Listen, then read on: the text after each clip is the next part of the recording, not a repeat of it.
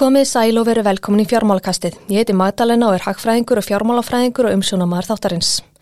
Þátturinn er tekin upp í Nóa Sirius stúdíu og podcastöðvarinnar. Fjármálakastið er hlaðvar fyrir áhuga fólk um fjármál, hagfræð efn hagsmál.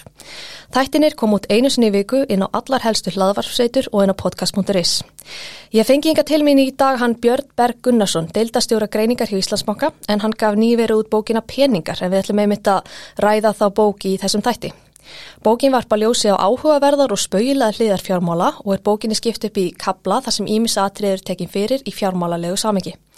Björn Berg, velkomin. Takk fyrir það. Hérna, áður en við byrjum þá að ræða bókina, þá er ég með svona stutta bókagakrinni sem ég ætla að, að fara yfir. Hvernig líst þér að það? Mér líst bara mjög vel. Það ekki? Jú, slakka til. Hérna, ég ætla bara að byrja að segja að mér fannst bókin reynd og sagt frábær, mjög skemmtileg, bæði skemmtilega skrifur og skemmtileg efnistök. Uh, eins og ég segði áðan þá er henni svona skipt upp í nokkra kabla og meðal kablana er um fókbólta, Kylie Jenner, hátísku, uh, Star Wars, Disney, tölvuleikir, tónlist, peningar, landakaup og ofurhetjur, þannig eitthvað fyrir alla í rauninni, mætti segja. Uh, ég man að þegar ég las kaplaheitin eins og kublin hans Obi-Wan Kenobi svo Star Wars eða tölvuleika kaplan þá svona held ég að þetta veri kapla sem ég hefði bara ekkert gaman af. En annar koma daginn og mér fannst bara allir kaplanir virkilega skemmtilegir og sem er komum bara skemmtilega óvart. En ef ég ætti að nefna svona þá kapla sem ég fannst skemmtilegir þá voru það ákverðu græti Steve Jobs. Það var kapli sem að ég, já það var margt þar sem ég vissi ekki. Og örstuðum peninga, hann var líka mjög skemmtilegur. Og svo peningageimurinn hans Joakim sem sögu Disney Uh, en að því sögðu þá var bókin bara hild virkilega áhugaverð og uppfulla á skemmtilegum staðrindum sem komi marga hverja mikið óvart. Uh, ég vil bara þá hvetja alla hlustendur fjármálakassins til að lesa þessa bók og ég held hún geti höðald til allra þannig að þetta er sniðu jólugjöf. Uh, en ég vil bara enda þess að stutu gaggrinn á mig að bara hrósa þér fyrir flott framdag því mér finnst mikil vöndun á fjármálabókum í íslensku þannig bara vel gert. Takk kjærlega fyrir það. Nú fallit að þér að segja og gaman að Gaman er mitt að heyra, ég, ég, þetta er auðvitað fyrsta bók sem ég skrifa og, og eðli málsið samkvæmt, þá veit maður ekkert hvað öðrum mun finnast þegar maður er að skrifa bækur.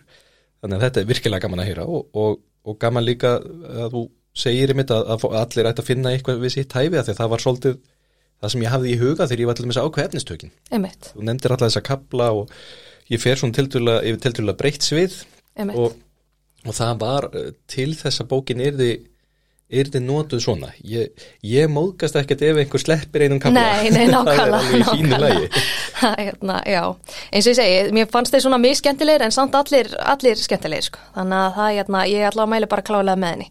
En kannski ég svona byrjaði að byggja, byggja þig bara um að segja okkur frá bókinni, frá þínu sjónarhörni Já, ég hef um, mjög lengi haft gaman að því að halda þess áfram að lesa.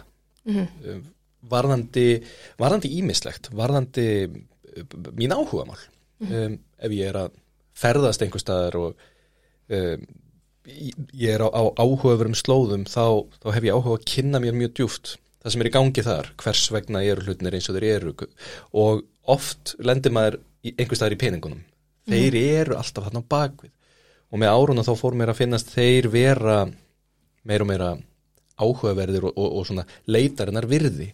Og þetta á við um íþróttir, þetta á við um tónlist, þetta á við um kvikmyndir og allt sem að, og tísku og allt mögulegt að ef við lítum sérstaklega á fjármálhlegin og peningana sem eru þarna bakvið þá auðvistu betri skilning á þessu áhugamáli og það verður ennþá skemmtilega og mér langaði svolítið að deila þessari reynslu með öðru með því að skrifa þessa bók.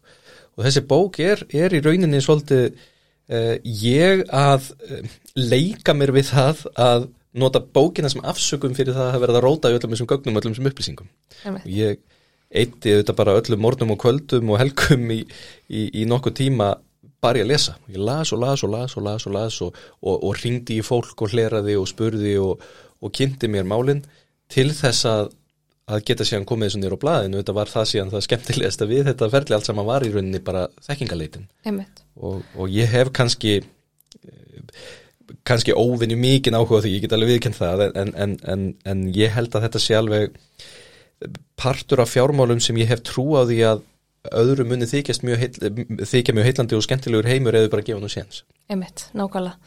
Hérna, en kannski deili með mér svona akkur, hérna, hvernig kvikna hugmyndin að því að skrifa þessa bók? Akkur ákvæmstu að actually fara í að skrifa um þín áhuga mál? Já, það... Svona að deila með öðrum. Einmitt, það er nefnilega svolítið góð spurning vegna þess að það var algjör krókalið ég hef verið að skrifa í mörg ár í, í fjölmil og svona litlar greinar og halda lítið námskeið og, og svo sem ver, velta fyrir mig mörgu sem er í þessari bók en ég á tvo litla stráka og þeir eru þryggja og sjöra og mér langar svo á einhverju tímapunkti að, að þegar þeir eru kannski orðnir 10, 11, 12 ára fróðlegsfúsir að þá eigi þeir eitthvað, eitthvað efni um peninga eins og efni sem Sævar Helgi er að gera um vísindi. Og, og við Sævar Helgi vorum með, með útastátt í, í nokkur ára á sínum tíma þar sem við vorum að fjalla með um vísindi og, og deilum svona þessum áhuga á því að sannfæra aðra um að það sem okkur fyrst áhugavert er, sé í alverðinu mjög áhugavert. og e, ég settist niður e, í fulli reynskilni til þess að skrifa bók fyrir þá engungu, sem að ég ætlaði síðan bara að prenta, prenta bara út og sjálfur og, og útbúa bara lilla bók fyrir þá. En þegar ég var byrjaður að skrifa slatta þá og svona lesa aftur yfir það sem ég hef búin að skrifa og hugsa, þetta er kannski alveg ágætt. Þetta gæti alveg verið kannski er þetta eitthvað aðeins meira en bara bók fyrir síni mína, þannig að, að ég hleraði uh, hann að Dögg Hjaltalín sem, að, sem er gömul samstarfkona mín sem að, uh, er í, í bókaútgáðinni uh, Sölku á hana með, með, og, og önnulegu samstarfskonu hennar eh, með eiganda. Og settist niður með þeim bara til þess að ræða þetta svona eh, af hverju ekki, settist niður og spurja bara hvernig myndum við gera þetta ef við myndum, ef við myndum bara skrifa heila bók? Og þær voru alveg til í þetta og gera þetta þá bara almennilega. Við myndum bara skrifa almennilega bók. Þær settu mér uh, deadline sem að virkaði alveg ægilega metnaði fullt en, en það bara gekk. Ég setti mér kvóta um það að skrifa þúsund ára á dag og það stóð Þannig að ég náði að skila bókin í vor eftir að hafa byrjað að skrifa í, í februar mm -hmm. og uh, þannig að þetta var, í, þetta var í rauninni svolítið slis að þetta hafi orðið að þessari vegluðu bók og, og svona eftir því sem ég skrifaði meira og eftir því sem við, við töluðum meira saman í útgefnir og þá svona kýldu við alltaf meira og meira á þetta, gerum þetta bara alveg fáum auði ír sem er bara besti að mínum að þetta er bara besti eh, teiknari á landinu í að myndskreita svona leið reynum að, að, að platta hana með okkur í að, að minnskreita bókina, fáum hann á toppu til að setja hana upp sem er algjör listamæri sem bara sést á, á kápunni og, og öllum uppsetningum og blaðsjum. Já, þetta er mjög glæsileg bók. Já, það, það er, er, er eitt af því sem ég er ánægastu með, það er einmitt að við höfum náða að gera hana þetta veglega. Einmitt. Hérna, ég tiltök á þann hverju svona mínir uppláðskablar voru. Er þú með einhvern uppláðskabla í bókinni? Já, Uh, ég skal alveg viðkynna það að sá kapli sem, sem var það langur áður en ég skara niður að hann hefði bara getið verið heil bók, var, var kaplinu töluleiki. Já, ok. Það, það er, uh, hann er stór. Var ekki fókballakablin lengstur eða? Nei, sko fókballakablin, hann, hann, uh, hann bjargaðist fyrir horn vegna þess að Ég, ég var svo meðvitaður um það að, að ég gæti skrifað endalust um fókbólta að, að þegar ég byrjaði að skrifa um fókbóltan þá var ég búin að niðunjörfa umræðu svo mikið. já, að ég var stanslust á hugsunum að þetta má ekki vera langt, þetta má ekki vera langt, var þetta fókbóltan var þetta töluleikina, þá var ég ekki alveg meðvitaður um það þegar ég fór að stað. en, en svo var ég búin að lesa einhverjar 8-9 bækur um, um töluleiki og, og, og fara alla leið og, og búin að kynna mér þetta vel í getnum árin og ég gati ekki hægt þannig að það var sá kapli sem ég þurfti að skera hvað mest niður. Og það var sá kapli þar sem að það sem ég fór að kynna mér og lesa og hlusta á að, að það leiti mig alltaf endalust áfram. Og, og uh, mér fannst það skemmtilegt til kaplin að skrifa. Og ég er mjög ánæðið með hann. Hann er, hann er í rauninni eini kaplin í bókinni sem er í ákveðinni svona tímalínu. Emme. þar sem við byrjum svolítið í árdaga leikjatölunar og, og færum okkur svona jöfnum skrifun til dagsins í dag það er eini, eini kaplinn sem ég raun og veru skrifa þannig Einmitt, Þannig þú mútið segja að hann sé svona þú hefði haft það mesta gaman að skrifa hann Já, já, já okay. ég hefði eins og ég segi, ég, ég hefði alveg geta slaufaði bara að skrifa þessa bók og skrifa heila bókun töluleiki í staðin Einmitt. Hérna eins og ég saði á hann það er bókin svona uppfull af áhugaverðum staðreindum, svona hvaða staðreindir, þú mátt nefna nokkrar fannst þér vera áhugaverðastar sem varst bara, wow, er þetta svona? Mér mér finnst svo margt vera mér, mér finnst íróníunar sumar vera svo magnaðar í fjármálasögunni. Það er í rauninni hvernig hvernig hlutnir ægslust hvað, hvað, hvað kalt hann í Örlanda getur verið merkileg. Hvernig það hvernig í rauninni uh, Netflix sem endar á að drepa blockbuster mm -hmm. er bóðið blockbuster til sölu og skýt og kannil snemma þegar að Netflix er á barmi gældtróts og, og Blockbuster er búið að kaupa þá á, á samókin eitt mm -hmm. og Blockbuster lítur svo stort á þess að segja nei takk og, og fara síðan sjálfur á hausin og Netflix bara tekur við þeirra viðskiptamótili mm. uh, mér finnst það mjög áhugavert mér finnst mjög áhugavert hvernig þetta svona svipa gerist varandi töluleikina þegar Nintendo fell Atari og byður þá um að dreifa tölunum sínum á heimsvísu undir nafni Nintendo Nintendo segir, mm. segir neytak uh, nei Atari segir neytak segir uh, Nintendo síðan keirir Atari nánast alveg í þrótt áratug setna þá gerir þetta sama þegar að Nintendo leita til Playstation en draga sér síðan út úr þeim samningi. Það senkt í ferlinu að Ólafur Jóhann Ólásson sem er, er maðurinn á bakvið Playstation töluna sem ég finnst ótrúlega að sé ekki meira að tala um á Íslandi, hversu mm. merkilegt það er að hann ákveði bara, við skulum þá bara, við erum komin þetta langt í þessu, Nintendo eru hérna sting okkur í baki við skulum bara gera okkar eigin tölvu og gera Playstation tölvuna sem síðan nánast drefur Nintendo, það finnst mér mjög áhugavert, en, en svona að því sem að komi kannski hvað mest og óvart, þá myndi ég halda að það sé til dæmis uh, málaferli uh, kvikmyndavers í bandaríkunum á, á hendur Elizabeth Taylor mm -hmm. sem ég fjallaði um í kvikmyndakaplanum uh, sem að þar sem að, að, að ég hafði nú áður kynnt mér þessa kvikmynd Kleopatru og, og það ofbóslega fjárhagslega fjasko sem að svo bíómynd var, ég held að engin myndi í, í kvikmyndasögunni sem jafnast á við Kleopatru hvað varðar uh, fjármálunhengsli eða ég rauninni bara hversu ótrúlegu skandal þetta var allt saman á fjármálunhleginni mm -hmm. og, og stúdíóði kennir Elizabeth Taylor 100% um og lögsækir hennar fyrir miljardar það fannst mér mjög áhugavert. Og ég, til þess að geta skrifað þann kabla þá fór ég bara að, að leita upp í gamlar bladagreinar í bandarískun tímaritum frá þessum tíma þar sem er verið að segja frá málafellunum Já. þannig að maður getur komist að í hvernig var uh, málatilbúnaður stúdiósins. Mér fannst það alveg svakalega heilandi. Ég veit. Hérna, það sem ég fannst líka skemmtilegt við þessa bók var hún tiltök líka svona fjárraksleg místök sem að fólk hefur gert. Já. Svona hvaða místök er þér minnistæðist sem þú tókst saman? Já, uh, Þetta er náttúrulega, já, það er svolítið kóðu punktur. Það, það er eitthvað sem ég veist mjög, mjög í rauninni bara fyndi. Það, það er starfsmæði sitt í banka, því það er bara svo nýtt. Mm -hmm. Já, núna í vetur, var þetta ekki bara í januar, þar sem að, já, eða eitthvað með kringum áramótin, þá var uh, starfsmæði sitt í bank, hann var í, með afskapla eðlilegt og, og, og einfalt verkefn á borðinu, hann átti að ganga frá vaksta greiðslu á láni fyrir hönd viðskiptavinnar sem var Revlon, uh, gera hálblásara á slíkt krulli átnum svona. Og þetta fyrirtæki var í, í, í böllandi vandræðum fjárhastlega eh, og hafði tekið gríðalega stór lán en eh, átti þarna ná að greiða eina afborgun að láni. Hann hins vegar, þessi starfsmæður, sló eitthvað vitlust inn og í stað þess að greiða afborgun þá greiði hann upp með einu eh, hérna, einni millifæslu öll lán Revlon að fullu. Og Revlon á ekkert efni á því að greiða þetta allt saman upp en þetta lendir alltaf reikningi í Citibank. Síðan er auðvitað kemst upp um þetta heyrðu þetta voru nú mistök uh, og, og, og Citibank og þessi starfsmæði það byrjaði að hafa samband við alla þessa lánastofnir sem hefur lánað alla þessa, þessa kröfuhafa lándrótna og, og þeir segja, sumir segja bara nei, ég ætla ekki að skila þessum peningum Revlon segir þið verðið að taka þetta á ykkur við getum ekkert borgað þessum lánum Og, og ég skrifaði þann kabla í mitt og, og, og segi það í mitt í bókinni, ég skrifaði þann kabla sama kvöldu og Citibank tapaði málinu.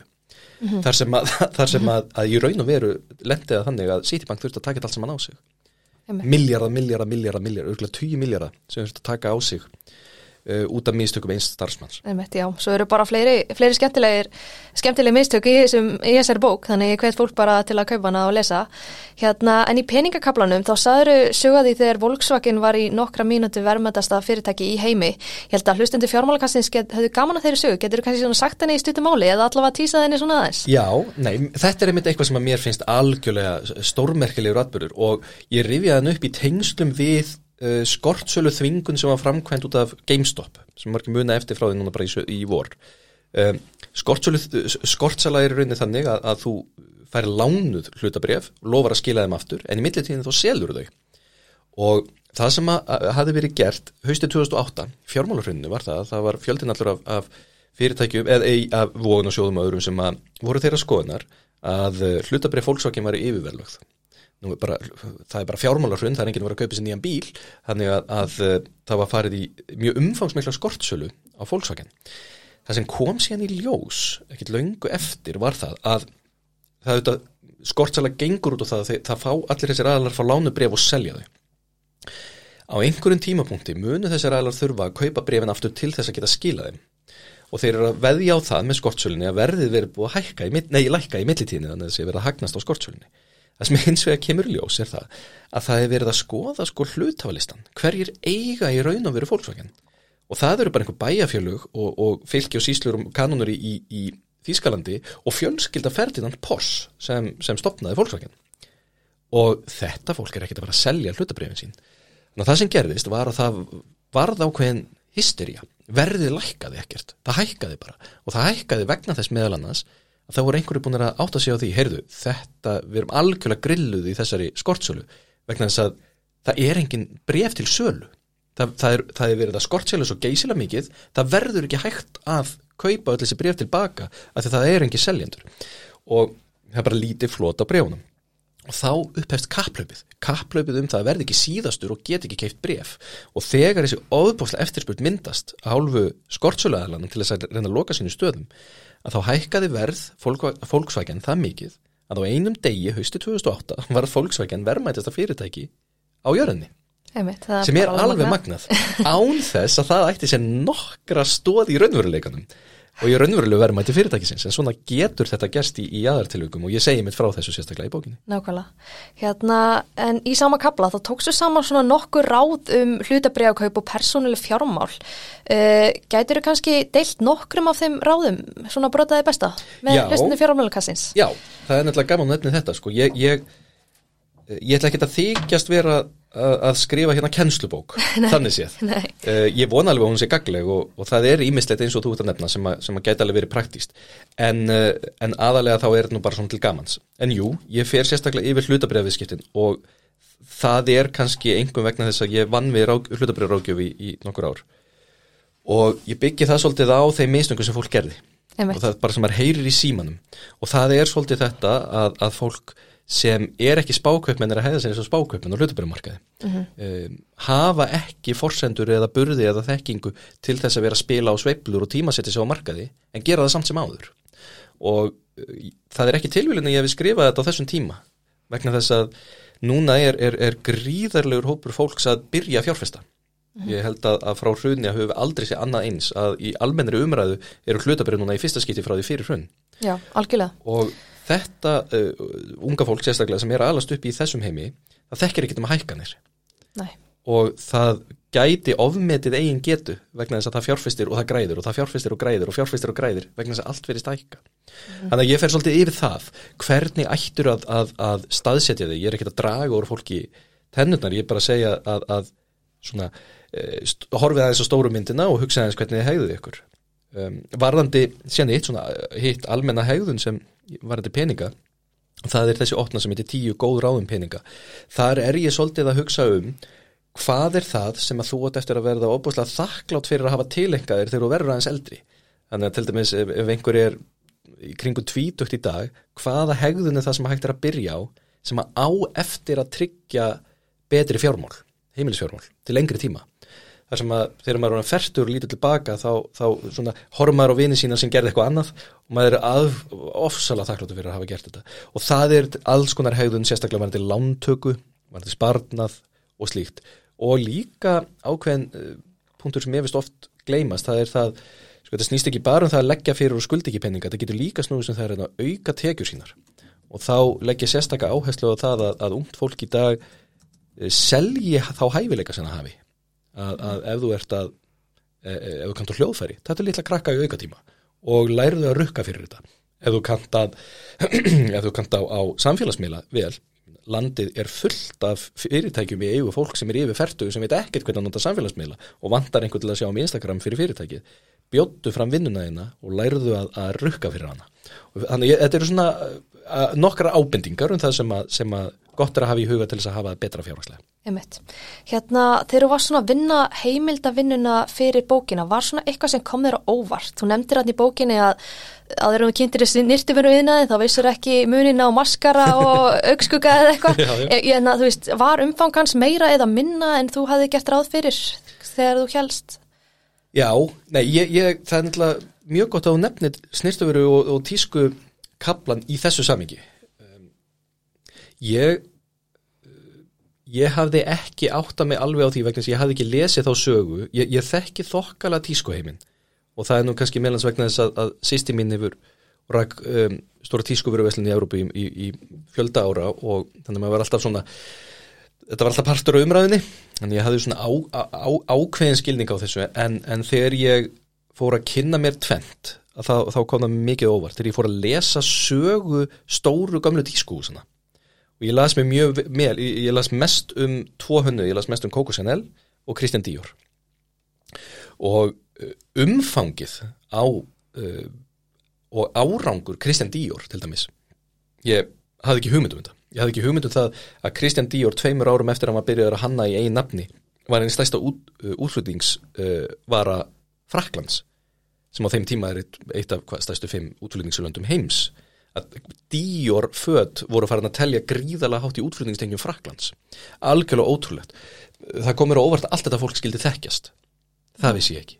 Ég vissi ekki að, að, að uh, uh, Givenchy uh, Yves Saint Laurent Christian Dior, allt þetta lið, þetta var allt verið vinnir allir unnið saman, ég vissi ekki að þetta hafi tekið svona langan tíma, ég vissi ekki að hann hafi álpast inn í tískubransana því honum að því að, að, því að hérna, gallerið hans klikkaði. Og hann hefði getið orðið, Christian Dior hefði getið orðið uh, einstakur í, í málverkabransan hann átti listaverk sem að væru fullkona ómeðalega í dag. Á þeim tíma var, var algjör brautir í handi þannig að það fannst mér afskaplega áhugavert og ég í rauninni vildi að ég hefði haft færi á því og, og, og í rauninni plási í bókinu bara til að skrifa miklu, miklu meira um allt þetta fólk. Og þetta sérstaklega Kókus Enel, það getur verið heil bók. Síðan var það þegar ég fór að, að skoða snirtufurubransan í dag með, sérstaklega með fókuspunkt á Kylie Jenner mm -hmm. það fannst mér óbúslega heilandi og það var nú kveikin að þessum kapla ég hafði verið beðnum að koma í, í útáséttaleinu sinni uh, og þurfti að undirbúa mig með því að kynna mér mjög vel businessin á bakvið uh, auð Kylie Jenner og það er módelið hennar sem ég fann svo áhugavert mm. að hún í rauninni byggir upp þetta geysilega stóra tískuveldi nánast, nánast án áhættu hún útvistar nánast allri áhættu. Það sem hún er góð í er að hún er ofbóðslega góð í ímyndarmálum samfélagsmiðlum, markasetningu ofbóðslega góð. Hún kannar ekkert að hanna snirtuðurur þannig að þetta er ekkert hennar snirtuðurur þetta er bara nafni hennar sem er á þeim. Það er bara mhm. eitthvað fyrirtæki út í bæi Los Angeles með risastóra verksmiði og langa sögu af því að búa til snirtuðurur sem gerir þetta allt saman. En þetta springur allt saman vegna þess að þetta tvent er saminað svona góð, góð rekstur og, og, og verksmiðju framleiðisla á snirtuðurum og síðan bara marka, besta markaðsmanniska í heiminn og þetta hafði ég ekki hugmyndum Nei, þetta var sem ég geysilega heilandi Hérna, kannski spurði ég bara núna svona aðeins út úr, hérna, eru peningar í að gefa bók, út bókum peninga? Það, sko, það er engin að fara að gefa út bók held ég til þess að vera ríkur nema að, nema þá að selja mjög mikið. Er þetta að tapa á þessu eða? Ég, já, já, ég, ég, ég held að tímakaupi sé nú ekki gott, sko, við, en það var alls ekkert það var alls ekkert ástæðan fyrir, Nei, fyrir því að, að, að skrifa bók. En um, jú, það getur alveg vel verið að ef, að, ef einhver leggur af stað við bókaskrif til þess að reyna að hafa svona þokkala upp úr því að það væri hægt. Mm. það var bara ekkert markmið mitt með þessu. Nei, nákvæmlega. Og uh, ég, mér langaði að skrifa þetta bæði vegna þess að mér fannst gaman að skrifa þetta og eins og ég segi bara til þess að síni mín er hafið þessa bók þess að geta að lesa henni þegar þeir eru aðeins eldri og, og sá eldri hann segist nú bara ætla að lesa hann núna, gott sem að skilja eitthvað í henni eða ekki. Um, og það að, að, að mér langar svolítið að deila þessu. Ég, það er ekki til svona bók á íslensku. Nei, nákvæmlega. Og, og uh, þær bækur sem ég hef lesið sem eru kannski á, svona í, í nánd við þessar bækur eru meiri hagfræði Já, nákvæmlega. Þau eru líka geysilega skemmtilega, það eru svo bara economics og það eru, það eru hérna freakonomics og, og slíka bækur, það er meiri hagfræði og það eru kannski aðeins færri efnistök mm -hmm. sem er færri dýbra í Já. og meðan í þessari þá, þá leifi ég mér að taka mig ekki á alvarlega og leifi mér Já, að vera aðeins skrifra. Hún er skrifið á svona skemmtilegan hátt, þannig að ætti að höfða til flestra. Hérna, er vona fleiri bókum frá þér? Nú hef ég ekki hugmyndið um það, ég, ég, ég, ég vona það. Mér fannst það skemmtilegt að ég hefði afskaplega gaman að því að, að skrifa meira. Uh, nú er þannig að kona minn er í doktorsnámi og, og það doktorsnám hófst eftir ég á búin að skila með bókinni. Þannig ég hugsa nú þessi bara tími fyrir það að, að, að heimilinu sé annar kóra aðilinn off öll kvöld og, og með laptoptöluna í fanginu í sófanum öll kvöldin. En jú, mér langar að skrifa meira og uh, ég held að við skrifin á bókinni hafi líka kvek, kvekna áhjón hjá mér að fara dýbra í ákveðin efni og það er alveg þannig eftir ég hef búin að skila með bókinu þá held ég áfram að lesa um uh, suma hluti sem ég hafi verið að skrifa um þannig til þess að reyna að, vita meira og svo var ég að skila inn eftir að bókin var farin sko í uppsetningu þá bætti ég við kabla til dæmis einum að ég hafði bara fengið fyrirspurnum það hvað gerist ef að, ef að köttur og Íslandi er við peninga Já. og bara varði ég að skrifa þann kabla og tróðum inn í bókina.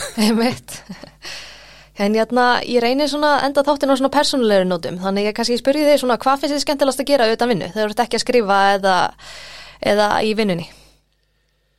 uh, Já, sko mér finnst um, mér finnst ofsalega gott að geta slappað af á meðan ég er að sísla eitthvað. Og ég held að það sem ég finnst notalegast sé það að hlusta á einhverja góða hljóðbóku meðan ég er að elda eitthvað gott. Og ef ég er nægan tíma til að elda mér finnst það alveg æðislegt, mér finnst mjög skemmtilegt að standa í eldur og hafa bara nægan tíma vera svona aðeins að dunda mér og hlusta á einhverja góða hljóðbók. Ég er núna að hlusta á nýju bókinnes Barack Obama sem er, er mjög áhugaverð og svona svolítið svona mjög skemmtileg en, en, en, en uh, mjög áhugaverð bók. Uh, mér finnst það mjög skemmtilegt, mér finnst alveg geysilega skemmtilegt að, að spá í fótbolta og ég er reyndar hættur að spila fótbolta en, en það er sennilega skemmtilegast sem ég nokkur sinni gert. Um, ég reyna að ferðast svona þegar það er hægt Já. og er einmitt að fara í í tvær ferðir í janúar sem eru eins ólíkar og hægt er, önnur er í sólina og hinn er að fara til Luton á Englandi í janúarmánuði sem hljómar eins og síðasti staður á jörðinni. En, en jú, svona að leita upp í hluti að, að kynnast nýjum eh, svona nýjum borgum og nýjum löndum og ferða svolítið um. Var í, ég nýkomum eh, frá Írlandi og Norður Írlandi sem ég fannst, hafði aldrei farið til áður og fannst mjög áhugavert. Uh, en já, aftur að því að ég held að það sé bara að slappa af. Að hafa smá svona andrými og, og geta tekið í rólega. Kannski lesa góða bók. Hérna, fyrst þú nefnir að lesa góða bók, hérna, ef þú ættir að mæla með einni bók fyrir hlustundu fjármálakassins, fyrir utan peninga, hvaða bók væri það? um, um peninga þá? Já, Fjármál. má vera hvort heldur sem er, kannski bara ein persónulegur og einum peninga, ef þú getur. já. Uh, ég held að hvað heitir hún aftur uh, bókinast Neal Ferguson um Descent of Money, peningasigra já, heiminn í íslenski, of Money. þý, Já. íslenski þýðingu. Hún Já. er rosa góð, ég er einmitt að lesa hann núna líka. hún er óbúslega skemmtileg. Mér finnst hún alveg frábæð, hann bara skrifar svo skemmtilega. Skrifar svo vel, mér finnst hún alveg geggjuð. Uh, síðan eru bækunar sem að, það er tvær sem að Sigur Björn Stefansson og Svandís Ríkarsdóttir skrifað. það eru eru báða alveg geggjaða bækur. Rosalega góðar og þær eru auðvitað svolítið meiri fjárfesting. Mm Mhm. svolítið, þetta er fyrir fólk sem að hefur kannski þegar áhuga á verbreyðamörkum þá er það báðar óðbúslega vandaðir, bara heimsmæli hverða uh, eitthvað sem er ekki ekki hérna ekki fjármál, þá er það kannski tvær mér, ein, ein af mínum uppbólsbókum sem að ég vil lesi hvað oftast er uh, A Short History of Nearly Everything þetta er Bill Bryson. Og það er kannski ef maður er að hugsa um hvernig þessi bók er og þá er hún svolítið kannski í stíl Bill Bryson. Hann fer svona úr einu og í annan stundum og er að koma með einhverja hliðarsögur. Uh, og svo er, er bók sem að sem mér sýnist engin vera að lesa sem er algjör synd uh, eftir mann sem heitir Steve O'Neill, hann er nú bara að skrifa eina þessa einu, hún er Hey Listen.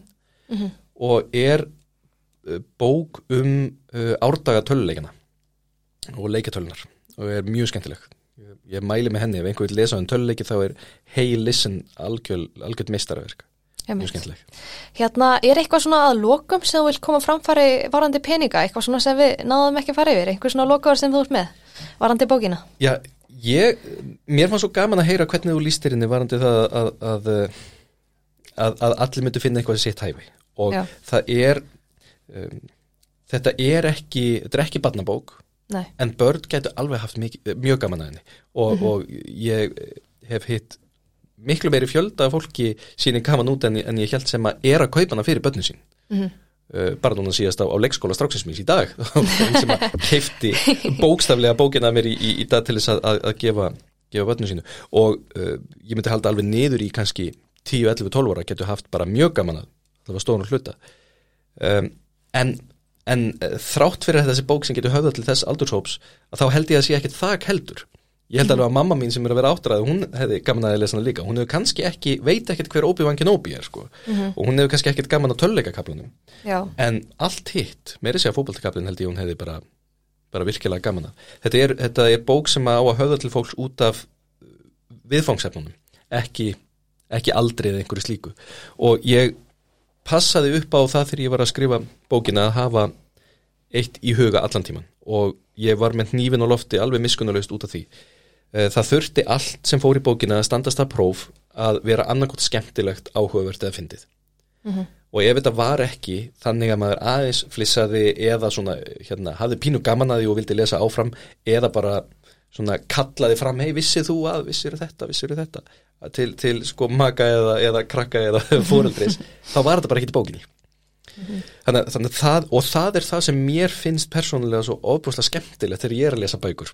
Það er það að trubla fólki í kringum mig með því að, að segja þeim hvað ég var að lesa. Og þetta, þessi bók er samansapna mörg hundruð slíkum mólum sem, að, sem að ég hef samkvæðað mér í gennum tíðina. Herru, Björn, þakka kærlega fyrir komuna. Fjármálakastið er ekki lengri í dag en ég vil þakka ykkur kærlega fyrir hlustununa og minn ykkur á að fylgja fjármálakastinu á Facebook og Instagram en þar koma allar upplýsingar um nýjustu þættina. Verið sæl.